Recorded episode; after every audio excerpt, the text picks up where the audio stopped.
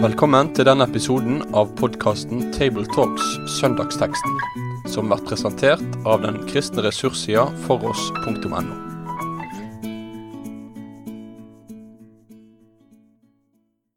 Velkommen til Table Talks over søndagens tekst. Det er nå kommet til andre søndag i åpenbaringstiden.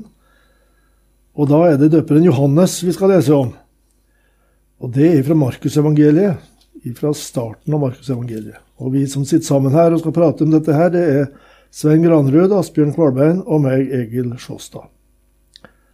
Markus 1, 3-11 skal vi lese sammen. Det er en røst av en som roper i ørkenen, rydd Herrens vei, gjør hans stier rette. Slik sto døperen Johannes fram i ørkenlandet og forkynte omvendelsesdåp til syndenes forlatelse. Og hele Judalandet og alle i Jerusalem dro ut til ham, og de ble døpt av ham i elven Jordan idet de bekjente sine synder. Johannes gikk kledd i klær av kamelhår og hadde lærbelte om livet, og maten hans var gresshopper og villhonning. Han forkynte og sa, Etter meg kommer Han som er sterkere enn jeg. Jeg er ikke engang verdig til å bøye meg ned og løse skoremmen hans. Jeg har døpt dere med vann. Han skal døpe dere med Den hellige ånd. Og det skjedde i de dager at Jesus kom fra Nasaret i Galilea og ble døpt av Johannes i Jordan. Straks han steg opp av vannet, så, så, så han himmelen åpne seg, og ånden komme ned over ham som en due. Og det lød en røst fra himmelen, Du er min sønn, den elskede, i deg har jeg velbehag. Det var denne søndagens tekst. I Lukas evangeliet så står det mer om hva han forkynte. Og det står det også i Johannes-evangeliet. Og er det ikke sånn at en predikant har lov til å trekke inn andre tekster også? Jo, det må en kunne, men det som vel er felles bl.a., er det at uh, dette med ryddevei for Herren. Og det er jo så viktig å, å, tenke på det bildet at her er det en konge som kommer. For på den tiden så måtte de lage en slags dugnad for å rydde veien når det kom en stor person og, og få, fram, få vekk alle steiner og hindringer og trær og møkk og hva vet jeg. Eh, så det sier jo noe om at eh, her må det forberedes, og, og det er jo i grunnen et tegn på omvendelsen, så vidt jeg kan skjønne. At man eh, spør seg sjøl lever jeg med Herren, er jeg forberedt på å møte kongen? Så her er et vitnesbyrd. Det er jo sitat fra Jesaja, dette her, og fra Malaki. Og så kommer døperen Johannes og slår an den samme tonen. Rydd vei for kongen, for Jesus. Og det er ment med andre tekster, Lukas f.eks., der er det tydeliggjort litt av måten han gjorde det på. Enda mer. F.eks. han sa noe til tollere, han sa noe til soldater.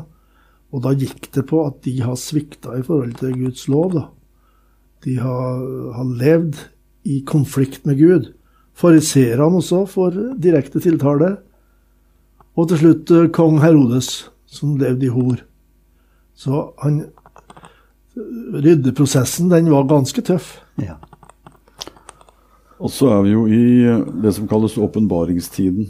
Og det er jo de tekstene etter jul og nyttår som har det ved seg at de skal på en måte tegne streker i det portrettet av Jesus som eh, vi skal forkynne etter at han ble født, så kommer nyttår med navnedag, ikke sant? Sånn at vi skjønner hvem han er, han som ble født som barn i krybben. Så åpenbaringstiden har jo tekster som skal uh, vise oss hvem han er, han som kom. Fram til vi går inn i, i fastetiden og følger han fram mot uh, lidelse og død. Så jeg tenker jo at et viktig perspektiv her er jo nettopp også å tale om Nå står han fram, han som Johannes rydder vei for. Hvem er, hvem er, det? Jo, han er kongen. Og så kommer dåpen og røsten og bekrefter, og bekrefter hvem han er. Så jeg vil nok legge litt vekt på det, at her får vi tidlig i kirkens år Og tidlig etter nyttår og navnedag så får vi tegnet streker av han som vi skal forkynne kirkeåret gjennom, han som kom, og som er kongen. Og det er jo slik at uh, Johannes selv understreker denne veldige kontrasten mellom seg selv og Jesus, og dermed så sier han uh, hvor stor Jesus er. Det er jo et talende bilde det at han føler seg ikke verdig til å løse skoremmen engang. Altså Det skjønner ikke vi riktig, men altså på den tid så var visst det en oppgave bare for slaver å passe på skolissene og hjelpe folk så på lavt plan. Det var det samme som vaske føttene, tror du ikke det? Ikke sant? Det Omtrent det samme, ja. Så han sier jo da at jeg er ikke verdig engang til å være en slave under Jesus. Så stor er han, liksom. Og Johannes gjengir jo det ordet 'han skal vokse, og jeg skal minke'. Så dermed så, så, blir vi forberedt gjennom hele denne teksten på Jesus' storhet. Og så er det jo avslutningen, da, at det er en røst fra himmelen som bekrefter denne storheten. Men nå hoppet jeg jo litt i teksten. Er det andre ting dere merker dere her? Jeg tenker på enda en tekst som danner bakteppet her, liksom. Om eh, Johannes og Jesus. I morgen kveld skal jeg preke på et barnemøte om Elisabeth og Maria som møtes etter at Maria var blitt gravid, og Elisabeth var seks måneder på vei. Og i Elisabeths livmor var døperen Johannes, og i Marias var Jesus. Og så har du den eh, Jeg tror Lukas må kose seg når han skrev om det. altså at, at barnet sprang i mors liv da de to møttes og hørte lyden av Marias røst. Eller de omfavna hverandre, og da var det bare noen centimeter mellom dem. Og det er veldig tydelig hvem av dem er det som tilber den andre. Det er døperen Johannes. Og det var da en, en særpreg ved han helt til slutt, når han sier det at han er som en brudesvenn eller forlover i et bryllup. Og Jesus er brudgommen, og bruden skal til han. Døperen Johannes var ikke redd for å slippe løs noen av sine disipler til Jesus. Det var en refleksjon jeg fikk. Det er jo underlig der. Jesus sier jo senere om Johannes at han var den største av alle. Størst blant den som er født av kvinner.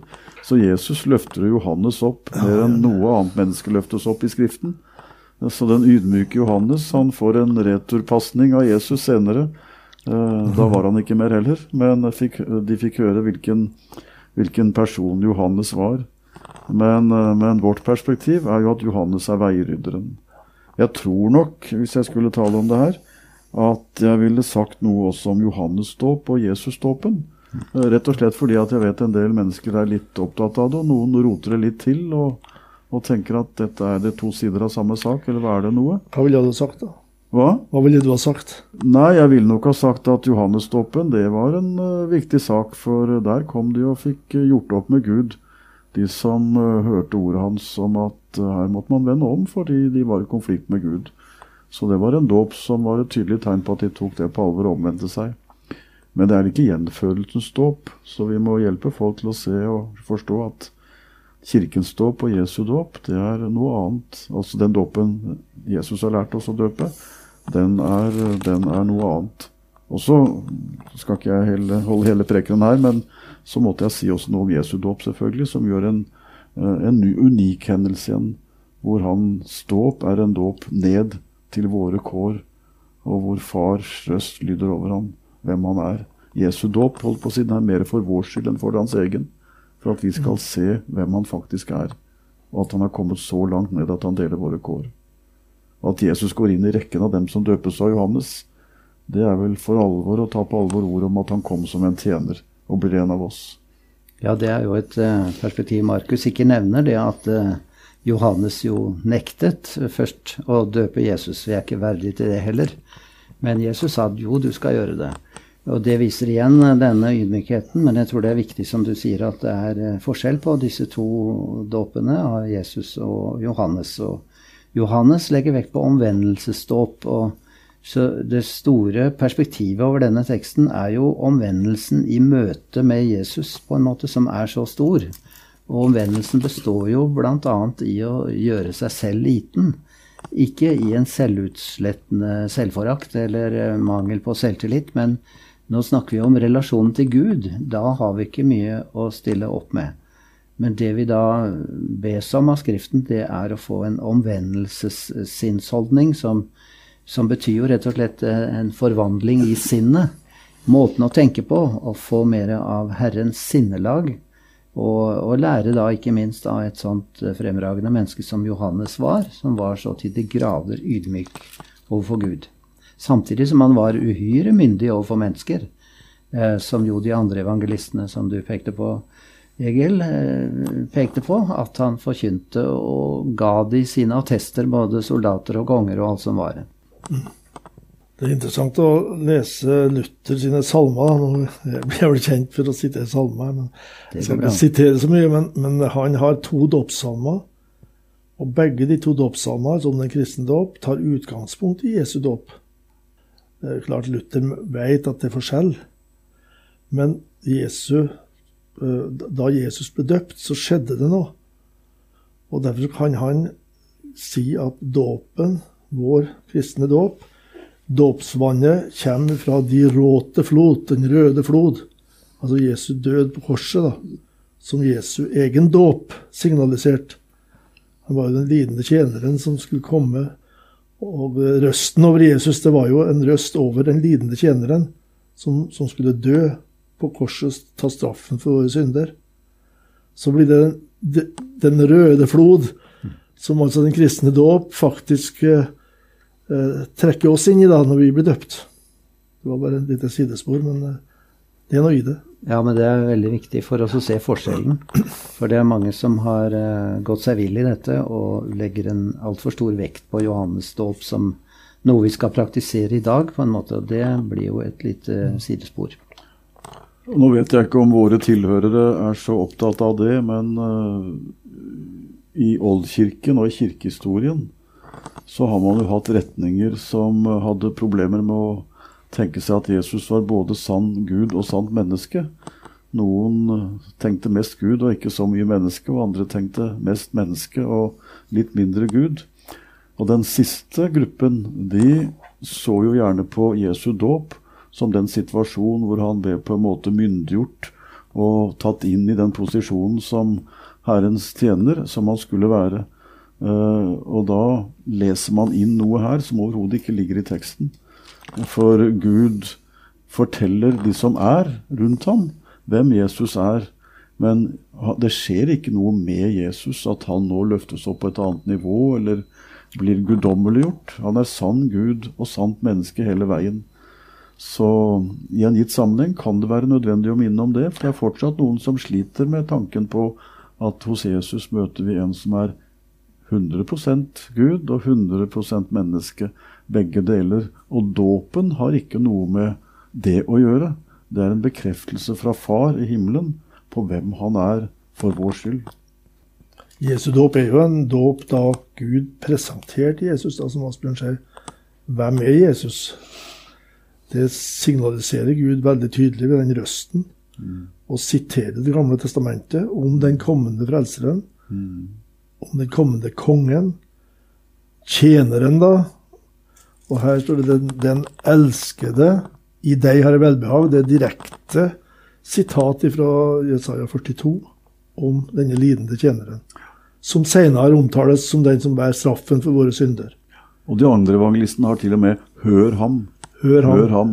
Og det forteller oss at denne røsten lyder ikke for Jesus skyld, men for vår skyld. Vår skyld. De som er omkring. Det er vi som skal forstå hvem vi har å gjøre med når vi møter Jesus. Gud oppgraderer ikke Jesus i dåpen, men han lar oss få se hvem han er. Ja, og der, dermed er denne hendelsen veldig viktig, fordi eh, jeg tenker på selve formuleringen. Vi kjenner jo fra juleevangeliet at det står flere ganger 'og det skjedde i de dager'. Og det er en sånn sterk betegnelse at nå kommer det noe viktig. Og så blir jo samme formulering brukt her i vers 9. Og det skjedde i de dager at Jesus kom fra Nasaret for å la seg bli døpt. Altså her er noe veldig skjellsettende viktig som vi skal legge merke til. Og det kan være fristende å dvele ved denne originale Johannes som sto fram og spiste villhonning. Hva er nå det for noe? Kamelhår, er det noe som kler, klør veldig? Og vi kan jo være opptatt av mange ting. Han var nok litt original i sin fremtreden. En vill honning er sikkert veldig sunt og godt, det. Og næringsrikt. Gresshopper, ja ja. Man har sans for å spise mer insekter nå etter hvert, har jeg lest om. Men eh, det er ikke der vi skal stoppe opp, altså. Det er eh, de tre siste versene her. Du tror ikke det at, at det der kledrakten og det livsmønsteret til døperen Johannes det har en sånn symboleffekt? Han kommer fra ørkenen. Han har en profetisk rolle. Mm -hmm. sånn som en del av profetene i GT og var utstøtt av samfunnet, men kommer fram med Guds ord. Jeg forestiller meg at det er et poeng kanskje allikevel, at, at han jo, det er klart det er poenger i alt her. Og det er eh, nettopp, som du sier, sikkert understreket hans eh, tra Den tradisjonen han går inn i som profet, mm. står på skuldrene av de som har gått foran. Og han, som jeg sa, han står jo på skuldrene til både Jesaja og Malaki i dette bildet med rydd vei. Og der er det også tale med en røst i ødemarken, ikke sant? Ja. En som kommer fra de øde strøk for å tale til oss som bor der hvor det er både vann og mat. For å minne oss om at nå er det en som kommer for å gi oss liv. Så, så det kan nok være at disse ytre trekkene med Johannes skal minne oss om at han kommer nå som den endelige oppfyllelse av den veirydderøsten som profetene taler om. Og det kan vi godt minne folk om, for hver gang vi hjelper folk til å se sammenheng mellom Gamle og Det nye testamentet, så gir vi dem en hel bibel. Og det er mm. altfor lite uh, evne til å se at det som skjer i Det nye testamentet, det har direkte oppfyllelsesfunksjon i forhold til det gamle. Så det kan vi gjerne minne folk om. Jeg tror det er en del, kanskje av våre lyttere også, som før søndagspreika så leste de teksten, kanskje på søndagsmorgenen. Og så leter de etter ting som de grubler på. Og en av de tingene som noen vil merke seg, hvis de leser nøye, det er uttrykket å bli døpt med Den hellige ånd. Han skal døpe dere med Den hellige ånd. Ja. Det gjorde ikke døperen Johannes, men Jesus gjør det. Det er viktig å få klargjort hva som ligger i det, ja. Ehm, jeg vil jo tro at eh, det skjedde egentlig på pinsedag, eh, og at det var dermed en gave som ble gitt til det kristne fellesskapet, og ikke nødvendigvis til oss som enkeltmennesker, men vi fikk del i Åndens komme ved dette. Så det er jo det løftet. Men eh, noen har vel kanskje lært om at her skal det bli en åndsdåp. Men jeg tror åndsdåpen, det er eh, Ånden er med i Jesu dåp, og ånden er ikke atskilt fra Jesus. Det er viktig, tror jeg, at, at ånden og Jesus hører sammen. Og jeg har tenkt at det, det, Jesus, det som står i Johannes-evangeliet om å bli født av ånden, at det er det samme som å bli døpt i ånden. Altså, du blir født på ny. At Jesus signaliserer det etter pinsedag, at det er gjenfødelsens ånd skaper et nytt liv, og at forskjellen på døperen Johannes' dåp og Jesu dåp, det er eh, primært at her kommer det en ny pakt og et nytt liv der Den hellige ånd rår og tar plass i hjertet. For også døperens dåp var til syndenes forlatelse, sto det her. Men med Jesus mm. kommer det syndenes forlatelse, og dere skal få åndens gave. Ja, og så er det en dåp til gjenfødelse, står det om mm. den dåp som Den kristne kirke har fått å forvalte. Uh, vi er alle døpt med én ånd, skriver Paulus til Efeserne, kapittel 4. Døpt med én ånd. Og flere steder i apostelgjerningene så, så ser vi at med dåpen så følger åndsmeddelelse. Så den kristne dåp, som er Jesu dåp av oss, eh, fordi han eh, er den som, som ba oss om å døpe i Faderens og Sønnens og Den hellige ånds navn, det er den dåpen hvor Den hellige ånd formidles. Og da skjer det når den dåpen i vann for, forrettes eh, i Den kristne kirke på jord. Da kommer Den hellige ånd og gis oss som gave. Så, så det er mulig å tale enkelt om dåpens gave her.